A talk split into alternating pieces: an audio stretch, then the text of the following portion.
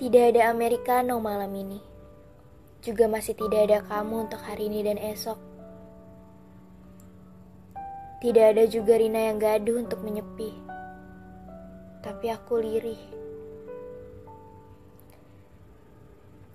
Seteguk karamel macchiato yang dingin karena kehabisan air panas. Entah mengapa, terasa lebih pahit dari secangkir americano yang biasa aku minum. Entah memang karena rasanya memang sepahit itu atau sebenarnya perasaanku yang dilanda kepahitan akan realita tentang genggamanmu yang masih belum juga mampu untuk kucumbui. Lalu, bagaimana kotamu malam ini?